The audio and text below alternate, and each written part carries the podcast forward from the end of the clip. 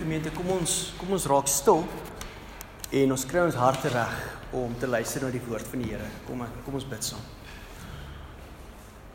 Here, ons wil graag hoor en luister wanneer U praat. Help ons om ingestel te wees, Here.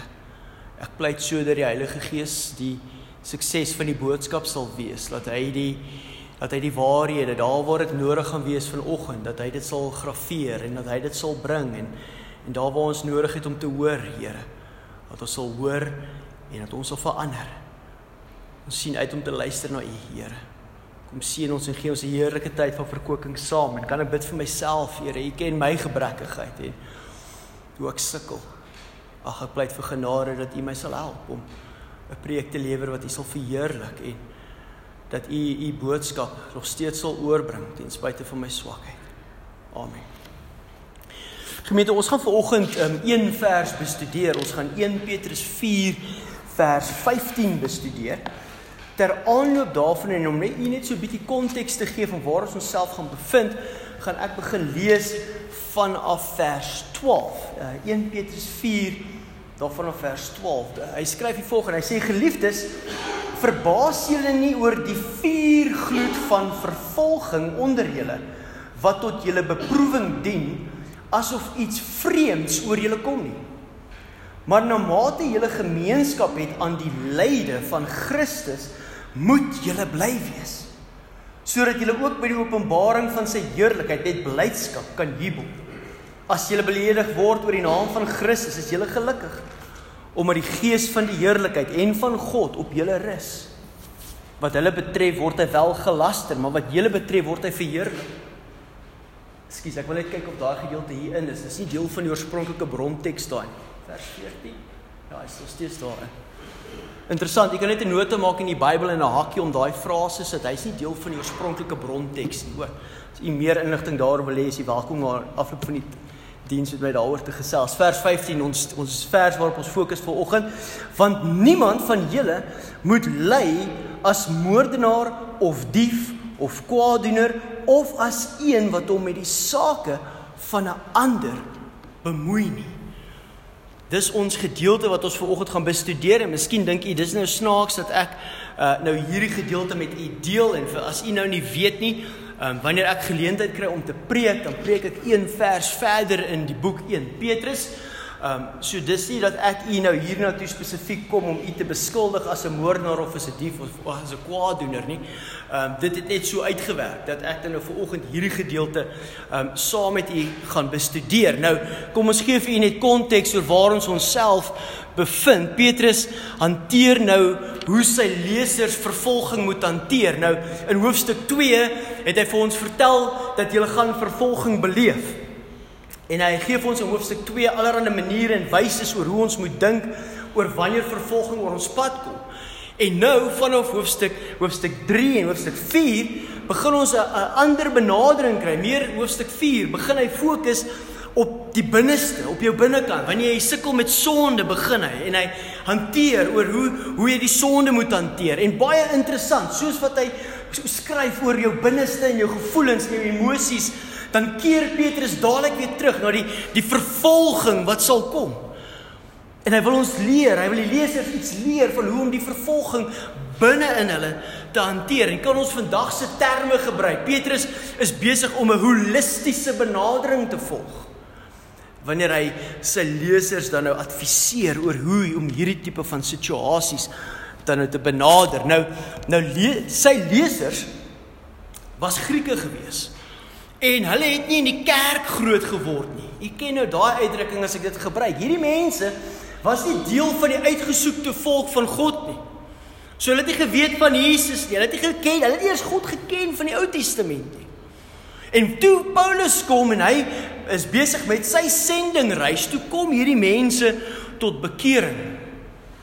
En toe hulle tot bekering kom, toe begin daar 'n verandering kom. Hulle bly nog steeds onder dieselfde mense. Gaan nog steeds werk toe, tot steeds dieselfde sosiale kringe, maar hulle begin toe anders optree. Hulle dade begin anders lyk.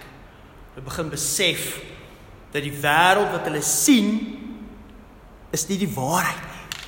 Daar's iets meer as dit. Daar's 'n geestelike waarheid, daar's 'n geestelike wêreld en hulle het dit gevind in die Here Jesus Christus en toe hulle begin besef dat hulle 'n redder nodig by God het hulle begin leef om hierdie Jesus te gaan verheerlik en toe begin hulle lewens verander.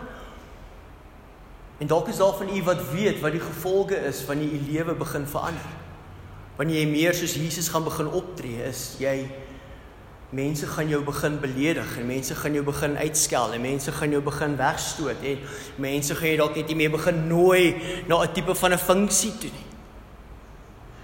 En dit is wat hierdie lesers van Petrus op hierdie stadium beleef het. Ons bevind onsself interessant genoeg onder die bewind van keiser Nero op hierdie stadium. Nou of Rome reeds gebrand het, weet ek nie. Maar ons weet dit's of baie naby of Rome het nou net gebrand. Maar die Christene gaan baie baie binnekort geblameer word vir die brand van Rome. So hierdie brief het God so bewerk dat hierdie brief hierdie lesers wat in Rome bevind is, hierdie Christene wat in Rome bevind is, hulle gaan moet bewus wees van 'n tipe van 'n vervolging wat op hulle gaan kom. Ons weet dat teen tye toe hierdie brief geskryf is, was die tipe van vervolging verbale vervolging geweest. Dit was beledigings geweest. Maar dit was kwaai. Want vers 12 sê daar's 'n vuur gloed. So ek moet vir u sê, dit was 'n tipe van 'n belediging gewees wat kwaai was, wat ekstreem was, soos wat hulle hierdie Christene aangevat het. Dis die konteks waarin ons onsself bevind en Petrus leer sy lesers in hierdie gedeelte wat ons nou net gelees het. Hy sê vir hulle Julle in vers 12 moet eintlik nie enige tipe lyding vreemd vind nie. Hy maak nie so 'n algemene stelling. Hy sê enige lyding. Met ander woorde, dit hoef nie eers hy praat nie nou eers van vervolging omdat jy 'n Christen is nie. Hy sê enige tipe lyding wat oor jou pad kom, 'n Christen moenie dit vreemd vind nie. Met ander woorde, as jy 'n Christen word, moet jy 'n kosteberekening gaan doen en daai kosteberekening gaan vir jou sê dat wanneer jy 'n Christen word, gaan jy lyding beleef in die wêreld. En Petrus wil hê sy lesers moet dit besef. En dan sê hy hoekom? Hy gebruik 'n interessante woord daar in vers 12. Hy sê daar gaan beproewinge wees. Dis 'n verskriklike mooi Griekse term wat Petrus hier gebruik, maar wat hy bedoel is hy sê daar gaan eksperimente gedoen word op jou. En God gaan deur lyding, enige tipe lyding wat oor jou pad gaan kom, gaan God daai lyding gebruik om 'n eksperiment op jou geloof te doen. En daarom sê hy moet ons dit nie vreemd vind nie. Dan gaan hy verder in vers 13 begin hy dit meer spesifiek maak en nou begin hy sê, maar wat gaan gebeur as julle lyding gaan begin beleef omdat julle Christene is? En dan maak hy die vreeslike vreemde stelling. Ja, dit was vreemd geweest om te hoor jy aanbid God, maar jy moenie lyding lyding gaan deel wees daarvan. Dis vreemd want jy dink as ek God aanbid, dan gaan daar nie meer lyding wees nie. So dis 'n vreemde stelling van Petrus, maar sy sy vreemdheid hou aan. Hy gaan aan en hy sê as jy gaan ly, moet jy jouself vreugdevol of gelukkig ag, want hy gaan in vers 13, hy sê want dit gaan vir die gelowige 'n wonderlike voorreg gee om jou voete binne die voetstappe van die Here Jesus Christus te sit en iets te beleef van sy lyding. En wanneer jy dit doen, moet jy dit gebruik as 'n geleentheid om die Here Jesus Christus te aanbid. Dis amper soos wanneer lyding oor jou kom, gaan jy dit sien as om 'n biografie te lees van iemand. Wanneer jy 'n biografie van iemand lees, dan verstaan jy iets van daai persoon en jy kry 'n nuwe tipe van 'n waardering oor wat daai persoon gedoen het. Dis dieselfde met lyding. Wanneer God lyding oor jou pad gaan bring, Wanneer lyding gaan kom as gevolg van lyding vir Jesus Christus, gaan daai tipe lyding vir jou 'n geleentheid wees om dit te hanteer soos 'n tipe van 'n autobiografie, om dit te waardeer en te beleef en die pyn daarvan te ervaar. En dan te dink, maar Here Jesus, U het dit op 'n miljoen keer erger as ek beleef. En U het nie opgegee nie. En ek waardeer U daarvoor. Wat is vir my so erg is die klein bietjie hoeveel moet dit vir u wees nie. En Petrus sê dis 'n voorreg. Daarom moet julle gelukkig wees. Hulle gaan aan. Hy sê die volgende rede in vers 14 hoekom julle gelukkig moet wees is dat die Heilige Gees gaan op jou kom rus wanneer dit gebeur. En al wat hy daarmee bedoel is hy sê dat wanneer die beledigings val, die oomblik wanneer daai woorde by jou land of dalk dalk is die belediging nie by jou persoonlik nie, want ek dink meeste beledigings vind agter jou rug plaas. Die oomblik wanneer die beledigings uitgespreek word oor jou omdat jy 'n Christen is, dan is dit asof die Heilige Gees na vore tree binne in jou. En hy gaan na God die Vader toe en hy sê Vader, hierdie man, hierdie persoon, hierdie vrou is besig om beledigings te beleef vir sy geloof, vir haar geloof in U. En ek stuur vir U sy heerlikheid op. Want hy is besig om sy geloof uit te leef. En dan sê Petrus 'n wonderlike ding gebeur daarna. God kom af en hy manifesteer in sy heerlikheid by jou wanneer dit gebeur. 'n Wonderlike waarhede wat Petrus daar leer. En dan nou by ons teksgedeelte gaan Petrus voort en hy kwalifiseer hierdie lyding.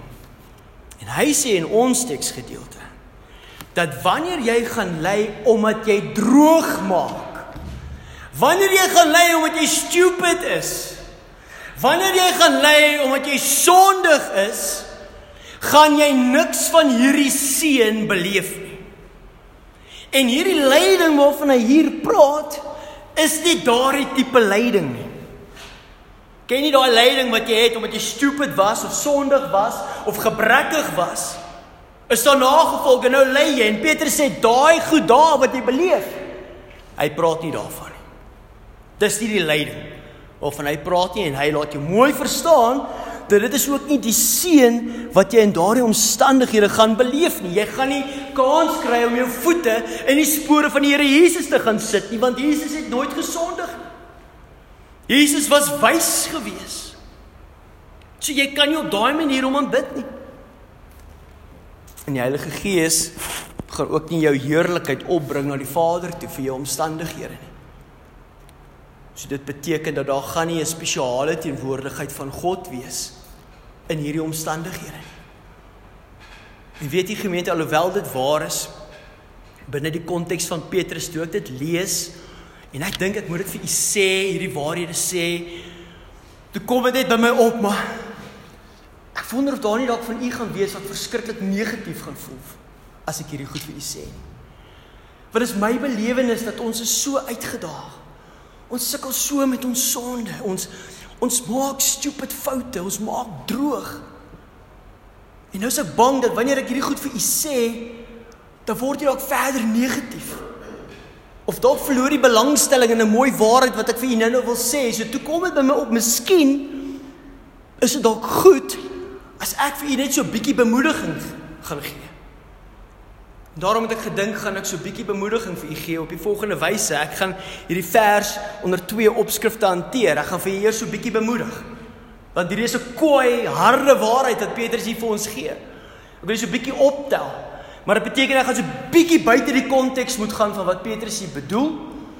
En dan as ek dit gedoen het, gaan ons onder die tweede punt gaan ek terugkom na die konteks toe en ek gaan vir julle iets wys oor jou verkeerde reaksie teenoor vervolging wat eintlik is wat Petrus hier bedoel. Jy gaan nie uh, seën beleef as jy droog maak nie, maar eintlik wat hy ook hier vir ons mooi wys is daar's 'n verkeerde reaksie op vervolging. So kom ek gaan u so probeer om jy net so bietjie te bemoedig in terme van hierdie waarheid. En kom ek bemoedig u deur vir die volgende te sê dat lyding en dis 'n lang ei lyding daai. Kom ons maak hom lang daai ly.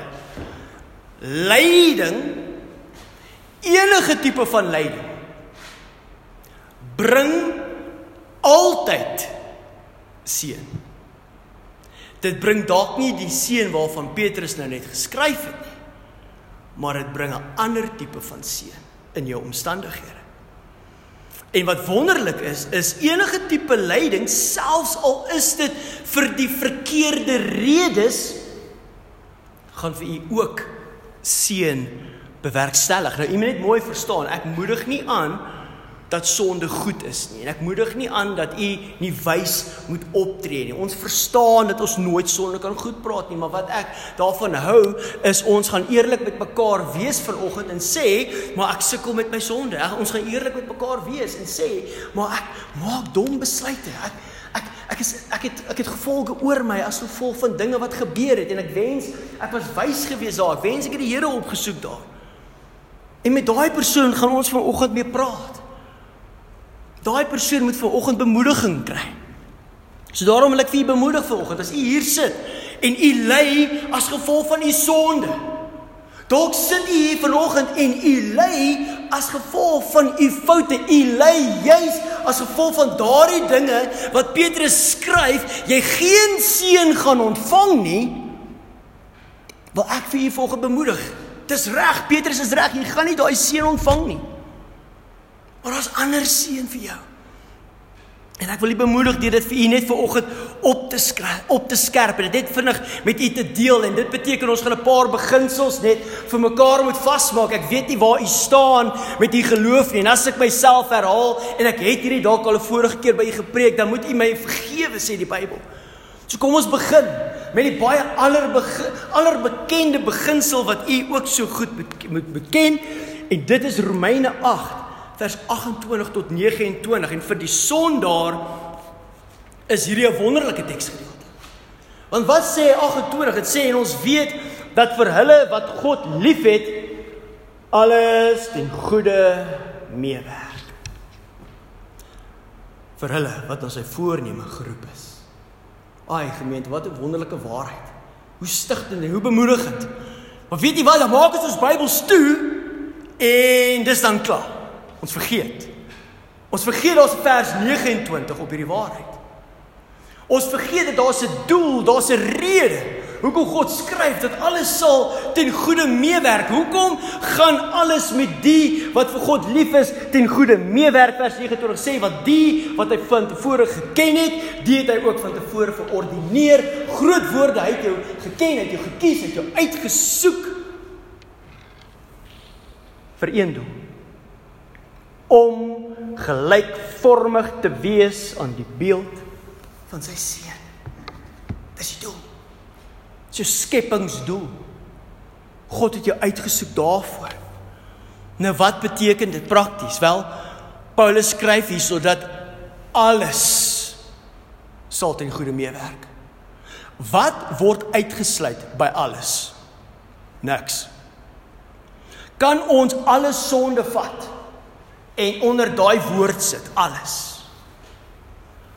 Alles, selfs jou sonde, gaan God gebruik om jou meer soos Jesus te maak.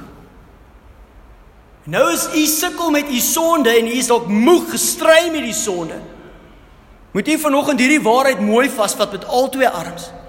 Want daar's 'n kragtige waarheid in Filippense 1 vers 6 wat sê omdat ek juis hierop vertrou dat hy, dis God, wat die goeie werk in julle begin het, die goeie werk is om daardie nuwe natuur binne in jou te gee waar jy begin sê maar ek dink nie meer dis my reg om so op te tree nie, dat daai natuur gaan begin verander en gaan begin groei om jou meer soos Jesus te maak.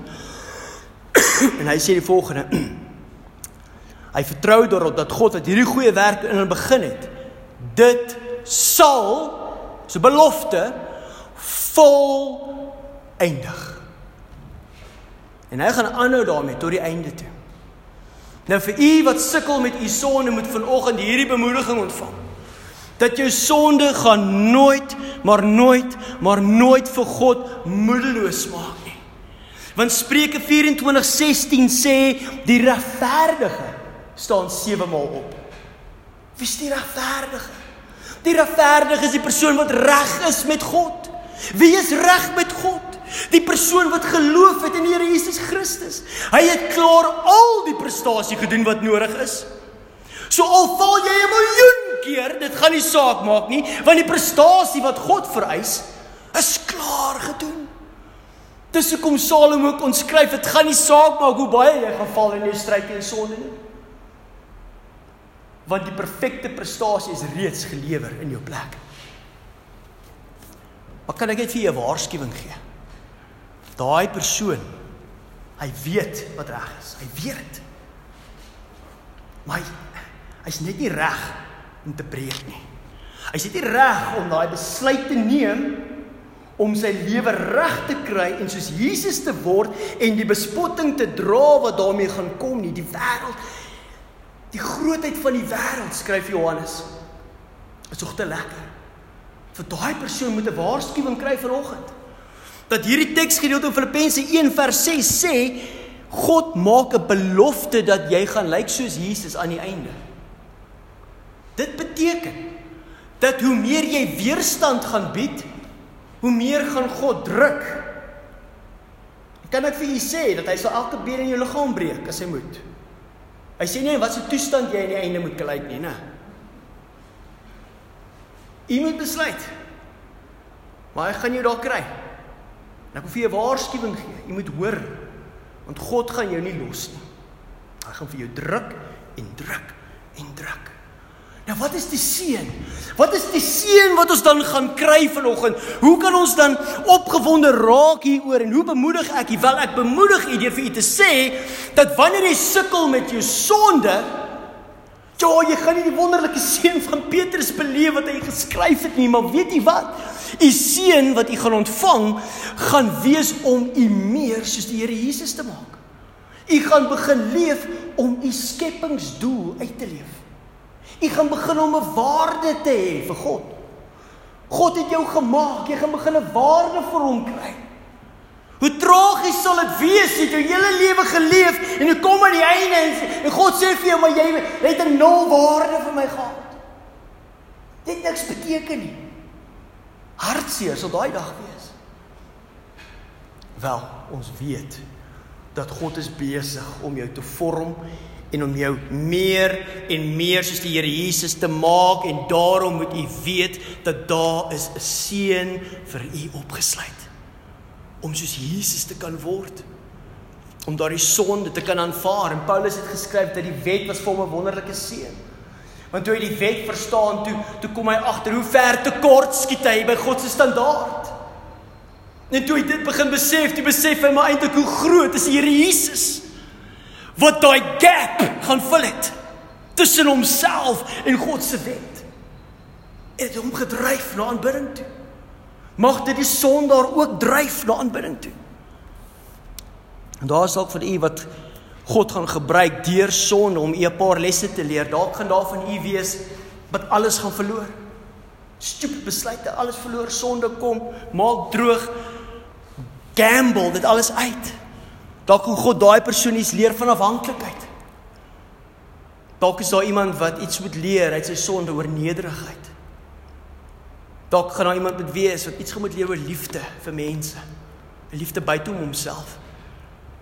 En dalk gaan jy moet leer uit jou sonde dat God is genoegsaam vir jou. Nie jou afgode nie.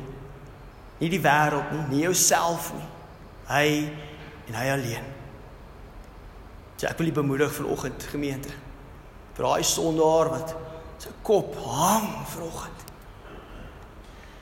Daar is 'n seën vir jou in daai omstandighede. God is besig om jou soos Jesus te maak. En u moet dit u moet dankbaar wees vir die Here. Hy los jou nie net nie. Jy stel hom nie te leer nie. Gemeente, as God my vandag moes kies om hemel toe te gaan, sou ek dit nooit gemaak het nie. Hy het jou gekies om so sy seun te lyk. Want daar's iets binne in jou en hy wil hê jy binne daai omstandighede waar jy is, ek sien daar en hy is daar. Daar in omstandighede wil hy Jesus sien. Hy wil homself sien daar in daai omstandighede waar hy is. En net u kan dit doen.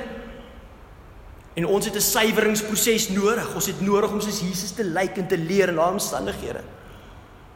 Ag en ek praat net uit my hart uit met u, maar het u nie al gewonder wat beteken daai teks van ons gaan nog groter dinge doen as Jesus nie? Ja, ons ruk daai ding uit konteks uit en dalk is dit eers reg wat ek vir julle gaan sê nie, maar weet u, ek dink partyke die Here Jesus het nooit homself in 'n situasie gehad waar hy as 'n sondaar dinge moes regmaak nie teenoor iemand. Hy het nooit foute gemaak dat hy sy hoed moes afhaal en moes hou en sê ek is jammer nie. En ek wonder partykeer of dit nie dit is nie. Jy bevind jouself in hierdie absolute sat omstandighede. Nou moet jy soos Jesus wees in daardie omstandighede. Jo, dis moeilik. Want die reuse is groot, die mense is groot, die omstandighede is moeilik. En ek dink partykeer miskien is dit wat bedoel word van ons gaan groot dinge doen. En net u kan dit doen. Net u kan die lig gaan skyn in daardie omstandighede en daarom wil ek u bemoedig vanoggend dat u dit sal doen en dit sal sien as 'n seën. Nou wat van daardie persoon wat foute maak? Wat so gebrekkig is. Stupid foute. Almal sê jy's dom, wens dit of jy wens dit jy kon teruggaan en ander besluite kon neem. Weet jy gemeente, dit is so bemoedigend dat die Here die eenvoudige, die gebrekkige help en ondersteun. Hoe mooi Spreuke 30, Spreuke 30 vers 1 tot 2 sê ek het my moeg gemaak o God. Ek het my moeg gemaak o God, ek het ek het versmag. Ja, ek is te dom om mens te kan wees. En ek het nie ek het nie 'n mens se verstand nie, Heer. Ek is te dom. My domheid, my foute maak my moeg, Here. Getuienis wat hy later gee daaronder Ager skryf het. Hy skryf daaronder. Hy sê nog steeds vers 5 nog steeds is God 'n skild vir die wat by hom skuil.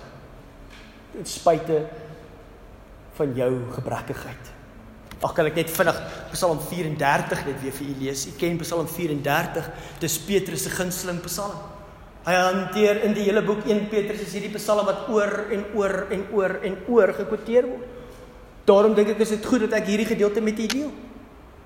Psalm 34 skryf Dawid, is Dawid skryf hierso. Hy sê in vers 1, 'n Psalm van Dawid toe hy hom kranksinnig gehou het voor Abimelech en die hom weggejaag het sodat hy heen gegaan het. Dawid voel skuldig. Want die Filistynse koning het hom gevang. En toe maak hy of hy mal is. Wat is die probleem? Hy's besig om 'n bedrog te pleeg teenoor die koning koning sê ja nee, hier's iets fout met hierdie ou, laat hom net gaan. En hy kom uit. En dit is asof die oomblik toe hy uit daai omstandighede uitkom, toe tref dit hom wat hy gedoen het. Jy het bedrog gepleeg om jouself te bevorder. Dawid skryf hierdie Psalm. Hy skryf hierso en hy sê daarso in vers 7, hy sê hierdie ellendige het geroep en die Here het gehoor hierdie ellendige, ek so vol van my gebrekkigheid. Ek het geroep, maar die Here het my gehoor. En nog steeds het hy my uit al my benoudhede verlos. Vers 18 sê hulle roep en die Here hoor en hy red hulle uit al hulle benoudhede en hoor hoe mooi sy vers 23 hierdie Psalm af. Hy sê die Here verlos die siel van sy knegte en almal wat by hom skuil hoef nie te boet nie.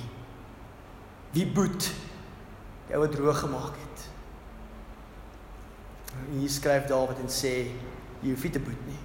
Vir die Here is daar vir jou genade. Dit beteken nie noodwendig daar gaan nie gevolge wees nie. Daar gaan gevolge wees. Ek dink baie keer gebruik God juist die gevolge om ons in hierdie posisie te plaas.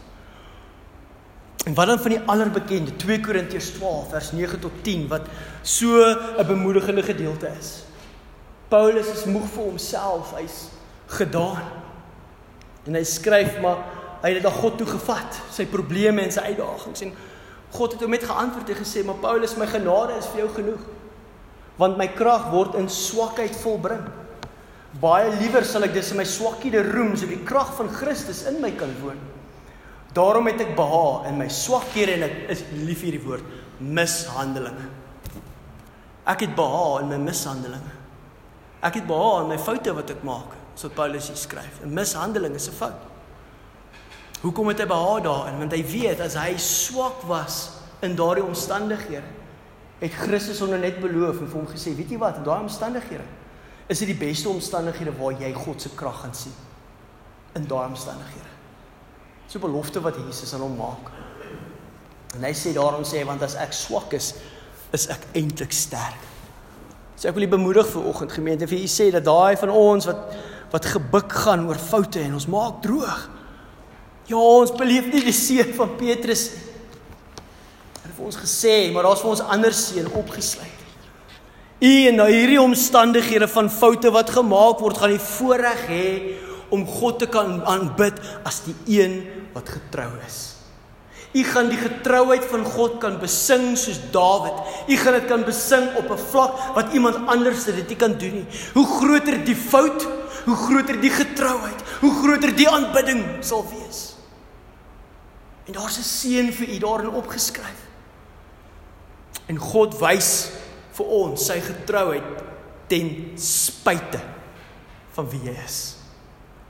Ten spyte van jou gebrekkigheid ten spyte van hoe swak jy staan met jou verhouding met die Here bly God getrou. En daar is ongelooflike seën om die Here op hierdie wyse te kan aanbid. Want u gaan hom aanbid op wyse wat iemand anders dalk nie kan nie. En u moet dit so sien en u moet daardie seën waardeer. Want dit gee vir u geleentheid om iets van die grootheid van God te kan beleef in daardie omstandighede. En weet jy gemeente, dis iets wat ons moet verstaan. Is ons moet verstaan dat God is so groot dat hy in absoluut in alles verheerlik sal word. Romeine 11 vers 36 sê want uit hom en deur hom en tot hom is alle dinge.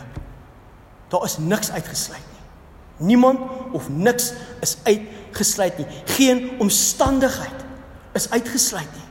Spreuke 16:4 sê alles het die Here gemaak. Is iets uitgesluit by alles? Nee, niks is uitgesluit by alles nie. Alles het die Here gemaak vir sy doel. U is gemaak vir sy doel, nie vir jouself nie. En hoe gouer ons dit besef, hoe beter is dit vir ons. Ons is gemaak vir sy doel. Ja, hoor hierdie woord ook, ook die goddelose vir die dag van die onheil. Daar is mense, daar is goddeloses wat gemaak is net sodat hulle moet gaan lei. Toe God gaan vir ons 'n voorbeeld wys van hulle. En kan ons sommer die duiwel ook hier inbring. Selfs die duiwel is gemaak vir daardie doel. Dat God vir ons iets gaan wys van sy geregtigheid in daardie omstandighede. Daarom gemeente weet dat God in elke situasie verheerlik sal word. Maak dit meer persoonlik. Weet dat God verheerlik sal word in elke situasie in u lewe. Of dit goed is en of dit sleg is. God gaan op een of ander wyse daardeur verheerlik word kan ek vir u 'n waarskuwing maak dat daardie persoon wat gekies is, hy loop stap die pad saam met die Here, maar hy wil nie breek met daardie sonde nie. So hy hou aan met die droog maak, hy hou aan met die sonde. Moenie dink dat jou sonde vir God 'n probleem gaan wees. Ons het dit net gesê.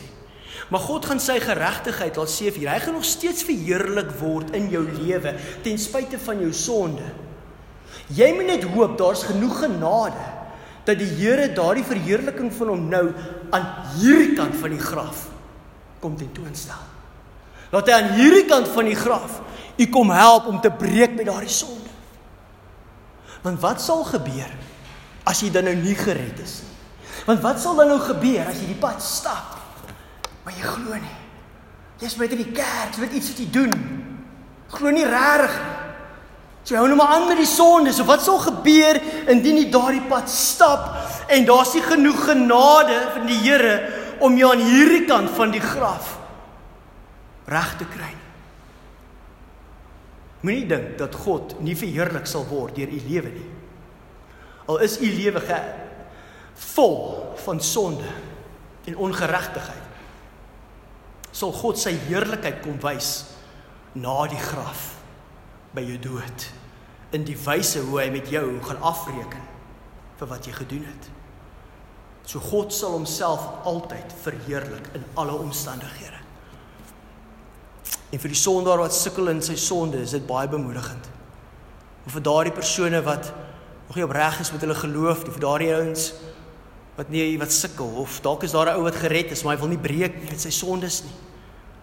Hierdie is waarskuwings om nou te hoor vir oggend. So ek hoop ek het u bemoedig gemeente. Ek hoop die waarheid van Petrus het u nie genoeg gestamp nie.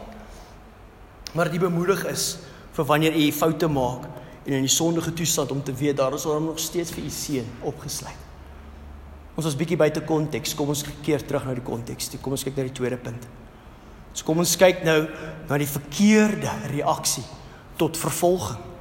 En ons gaan fokus op hierdie reaksie soos wat Petrus dit daar gelys het. Hy skryf dit daar neer.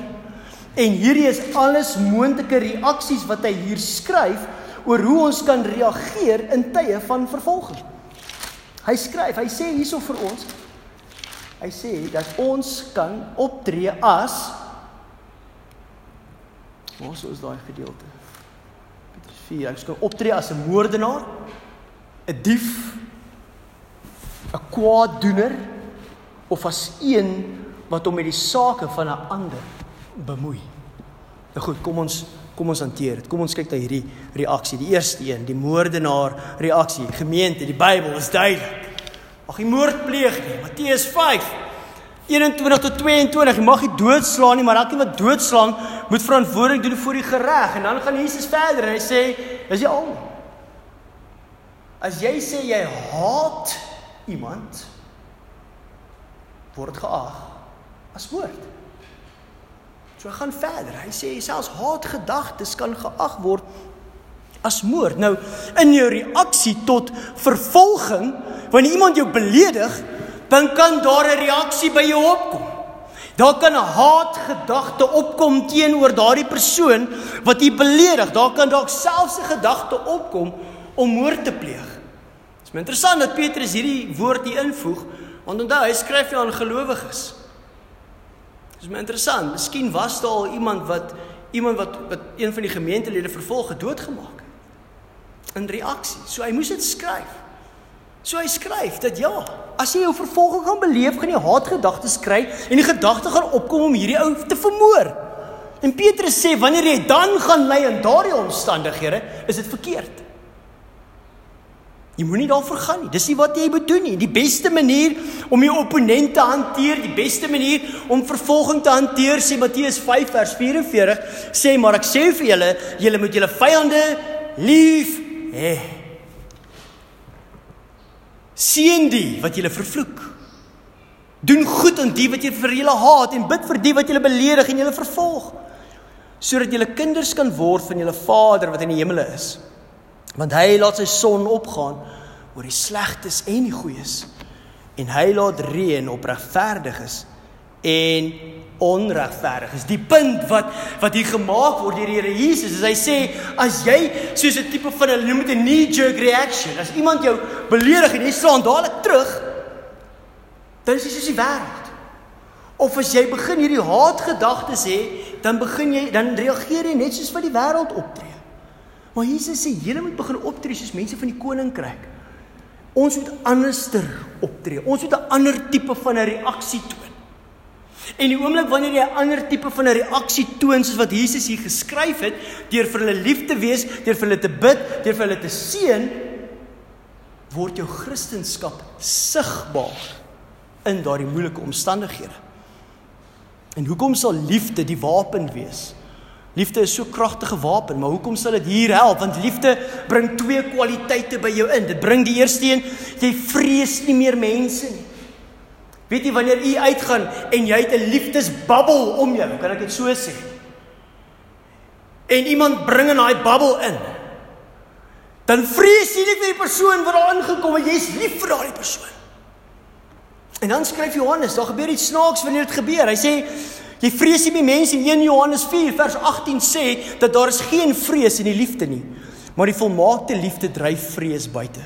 Want die vrees sluit straf in en hy wat vrees het nie volmaak geword in die liefde nie.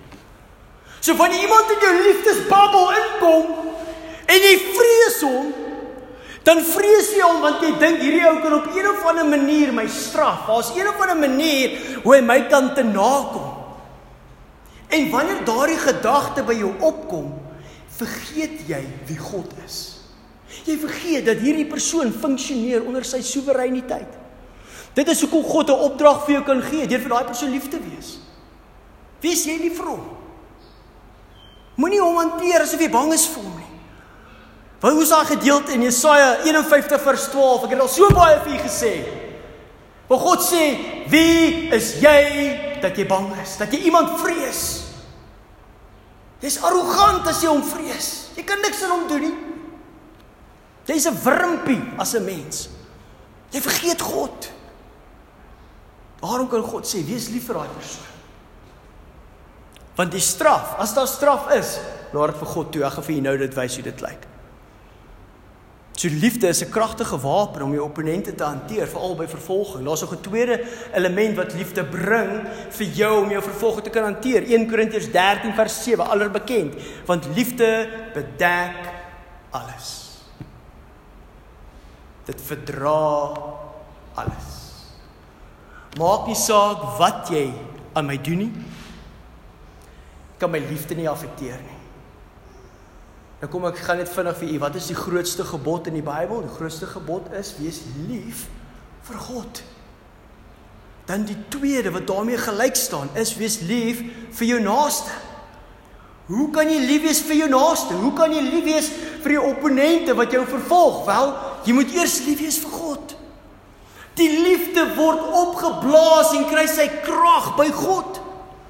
En dan word God so groot by jou dat wanneer iemand anders inkom in jou in jou spasie in, kan ek sê jou babbel in. Dan is daar net liefde, want jy is altyd by God en daar's net liefde en daai liefde is altyd net daar. Daar's nie vrees nie. Daar's net liefde want hierdie God is by jou. So die liefde van God, dit is die antwoord. Gevolglik gemeente. Hanteer ons vervolgers eerder in liefde. Petrus 2 vers 23 sê, hoor die voorbeeld wat die Here Jesus gedoen het. Hy sê wat toe hy uitgeskel is, nie terug uitgeskel het nie. Hy het nie terug beledig nie. Toe hy gelei het, nie gedreig het nie. Wat het hy gedoen? Hy het alles oorgegee aan hom wat regverdig oordeel. Want hy het geweet hy kan op sy God vertrou. God het Jesus het geweet Hy kan op sy Vader bereken. 1 Petrus 3 vers 14 sê maar as julle ook moet ly ter wille van die geregtigheid salig is julle en vrees hulle glad nie. Wees nie ontstel nie. Maar heilig die Here in julle harte. Jy wil ontstel wees, jy wil vreesagtig wees vir die mense wat jou vervolg. En wat skryf Petrus? Hy sê jy moenie ontstel wees vir daai mense nie. Wat jy moet gaan doen is om God te gaan heilig. Dit beteken jy gaan na jou binnekamer toe en jy gaan in daai verhouding met die Here. En jy sê Here, ek is by U. En omdat ek by U is en ek weet wie U is, beteken dit ek hoef nie bekommerd te wees oor hulle nie. Kom help my om soos Jesus te word in daardie omstandighede. Jy sien, gemeente ons vir Christene is dit net moontlik om vir ons opponente en ons vyande lief te wees wanneer ons verstaan wie God is. Ons godsbeskouing moet akkuraat wees. Dat hy die een is wat vir ons sorg en ons dra en ons beskerm. As ons dit nie reg kry nie, dan gaan ons sukkel hiermee. 2 Timoteus 1 vers 7 sê want God het ons nie 'n gees van vreesagtigheid gegee nie. Want jy moet vreesagtig daardeur gaan nie. Want weet jy gemeente as jy vreesagtig deur die lewe gaan, wys dit iets van wie jou God is. Hy sê jy moenie vreesagtig wees nie. Hy sê my het vir jou gees gegee van krag en liefde. Selfbeheers. Dis wat hy vir jou gegee het. Dis wat hy van jou vereis. sien gemeente, dit is slegs dan op daardie wyse wanneer ons weet wie God is dat ons vir hom eer kan bring. Want ons kan soos Jesus word in omstandighede wat vir mense net verbuisterend gaan wees. Jy bid vir jou vervolgers, jy's lief vir hulle. Jy's nie geïntimideer deur hulle nie en op daardie wyse kan ons seën bring aan God. Nou goed, kom ons kyk na die volgende en om 'n dief te wees. Ek's amper klaar, hierdie is vinnig. Om soos 'n dief te wees. 1 Korintiërs 6 vers 10 sê: Moenie dwaal nie, geen hoereerders of afgode dienaars afgode dienaars. Ons hoef nie te dink aan 'n beeld nie, ons kan dink aan afgode kan wees die wêreld, myself, my vrou, my werk, my kar, enigiets. Afgode dienaars egbreekers of wel lustiges of rowers sal die koninkryk van God nie beerwe nie. So in jou reaksie tot vervolging sal jy oorweeg om iets aan hierdie ouens te doen. Toe ek hier voorberei het, dink ek nou dadelik aan 'n tipe van 'n Robin Hood. Dit eel 'n Robin Hood fliek gekyk. Ja, hulle die vervolging het nou gebeur en dan werk hulle 'n plan uit om op 'n of ander manier goud of iets te steel en dan gaan dit hulle nou krippel die regering. OK, dis nou tipies wat ek dink in 'n Robin Hood fliek gebeur. Petrus skryf: Moenie sulke gedagtes kry nie. Moenie gaan steel nie. Moenie 'n dief wees in 'n reaksie op die vervolging nie. Moenie gaan roof nie. Dit sal vir jou beter wees om te ly as gevolg van die vervolging as om op te tree en iets te gaan steel by die ouens wat jou vervolg en jy dan lyding gaan beleef. Petrus sê dit gaan veel beter vir jou wees om te fokus eerder om te ly as gevolg van jou vervolging.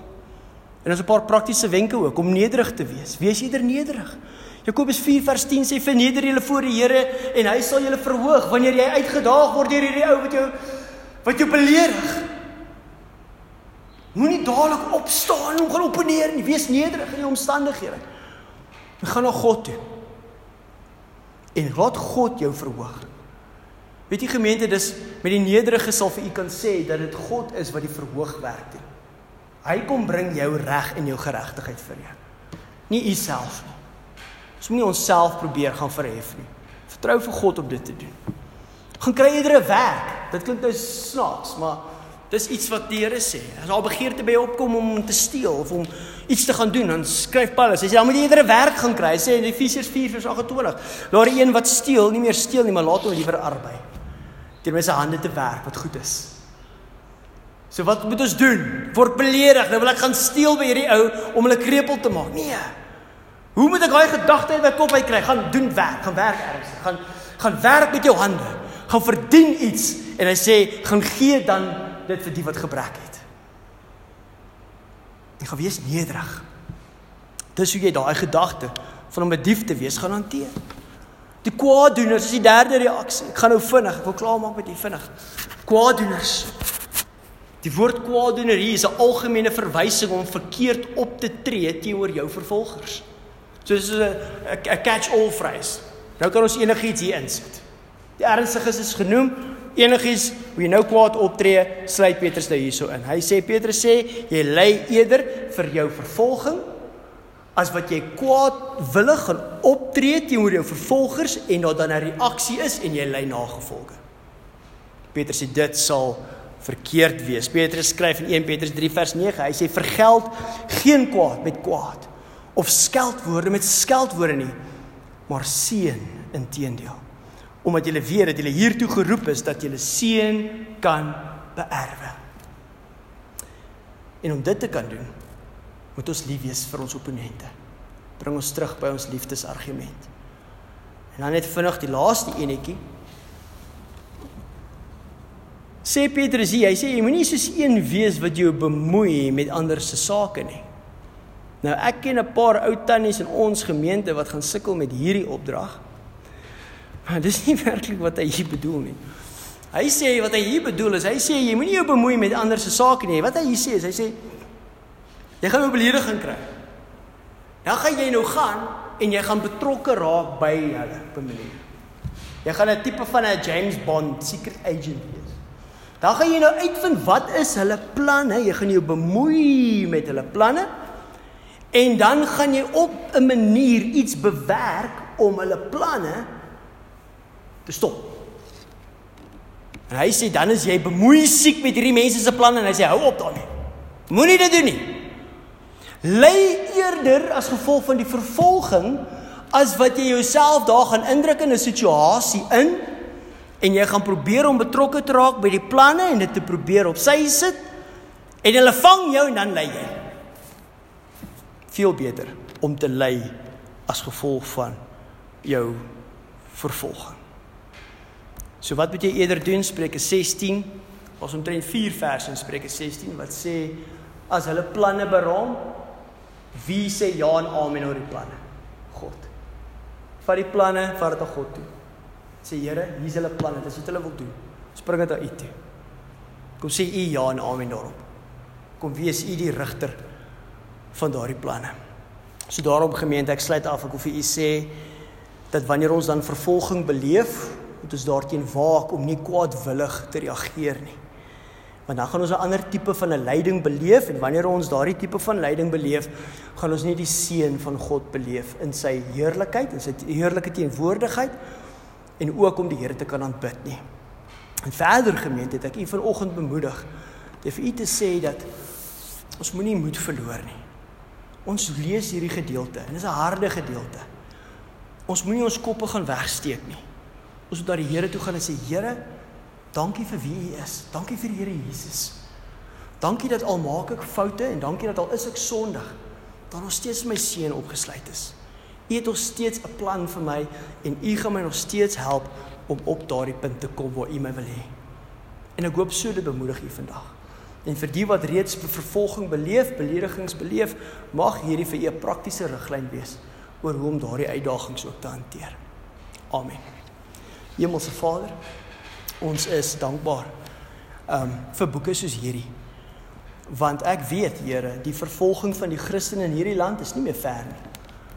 En dalk is daar van ons wat al reeds beledigings beleef. Dalk het ons lewens al klaar so verander dat hier kan iemand vir my 'n klomp stories vertel oor die beledigings en die uitdagings wat hulle beleef.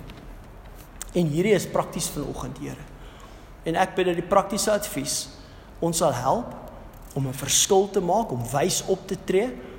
Maar nou die advies ook van so aard sal wees, Here, dat ons U sal aanbid as 'n God wat belangstel en teenwoordig is en omgee dat U vir ons hierdie tipe van 'n handleiding gee. Ag ek bid dat U met ons sal wees vir ons wat in uitdaging staan dat U ons sal help om getrou te bly en soos die Here Jesus te wees in ons omstandighede. Want ons sal hierdie nooit in ons eie krag gedoen kan kry nie. Ons het U hulp nodig, Here. Ons het die Here Jesus Christus nodig. En ons het die leiding van die Heilige Gees nodig, Here. Ag en dan hoop ek dat die bietjie bemoediging ook help. Dat dit goed is weer om vanoggend te hoor dat ons wat droog maak, Here, en ons wat foute maak. Daar's hoop vir ons. Petrus se woorde is hard. Die kwaaddoener sal nie die seën beleef nie. Here, ja, ons doen kwaad. Maar hoe dankbaar is ons vir die genade, Here, dat U Uself sal kom verheerlik selfs in daardie omstandighede. Ag en ek bid as, as daar iemand is, Here, wat wat sukkel, Here, wat hierdie hierdie waarhede nog nie daar het nie, Here, dat U hom ook sal genadig wees, dat U hierdie gees by daai persoon ook sal werk. En hom ook sal besef dat hy nodig het om te bekeer en dat hy sy skepingsdoel sal uitleef. Ons is dankbaar vir al hierdie dinge. Ons is dankbaar vir die groot genade wat ons kon beleef deur die Here Jesus Christus. Amen. Gemeente kom ons staan, dan sluit ons af vir die slotlied.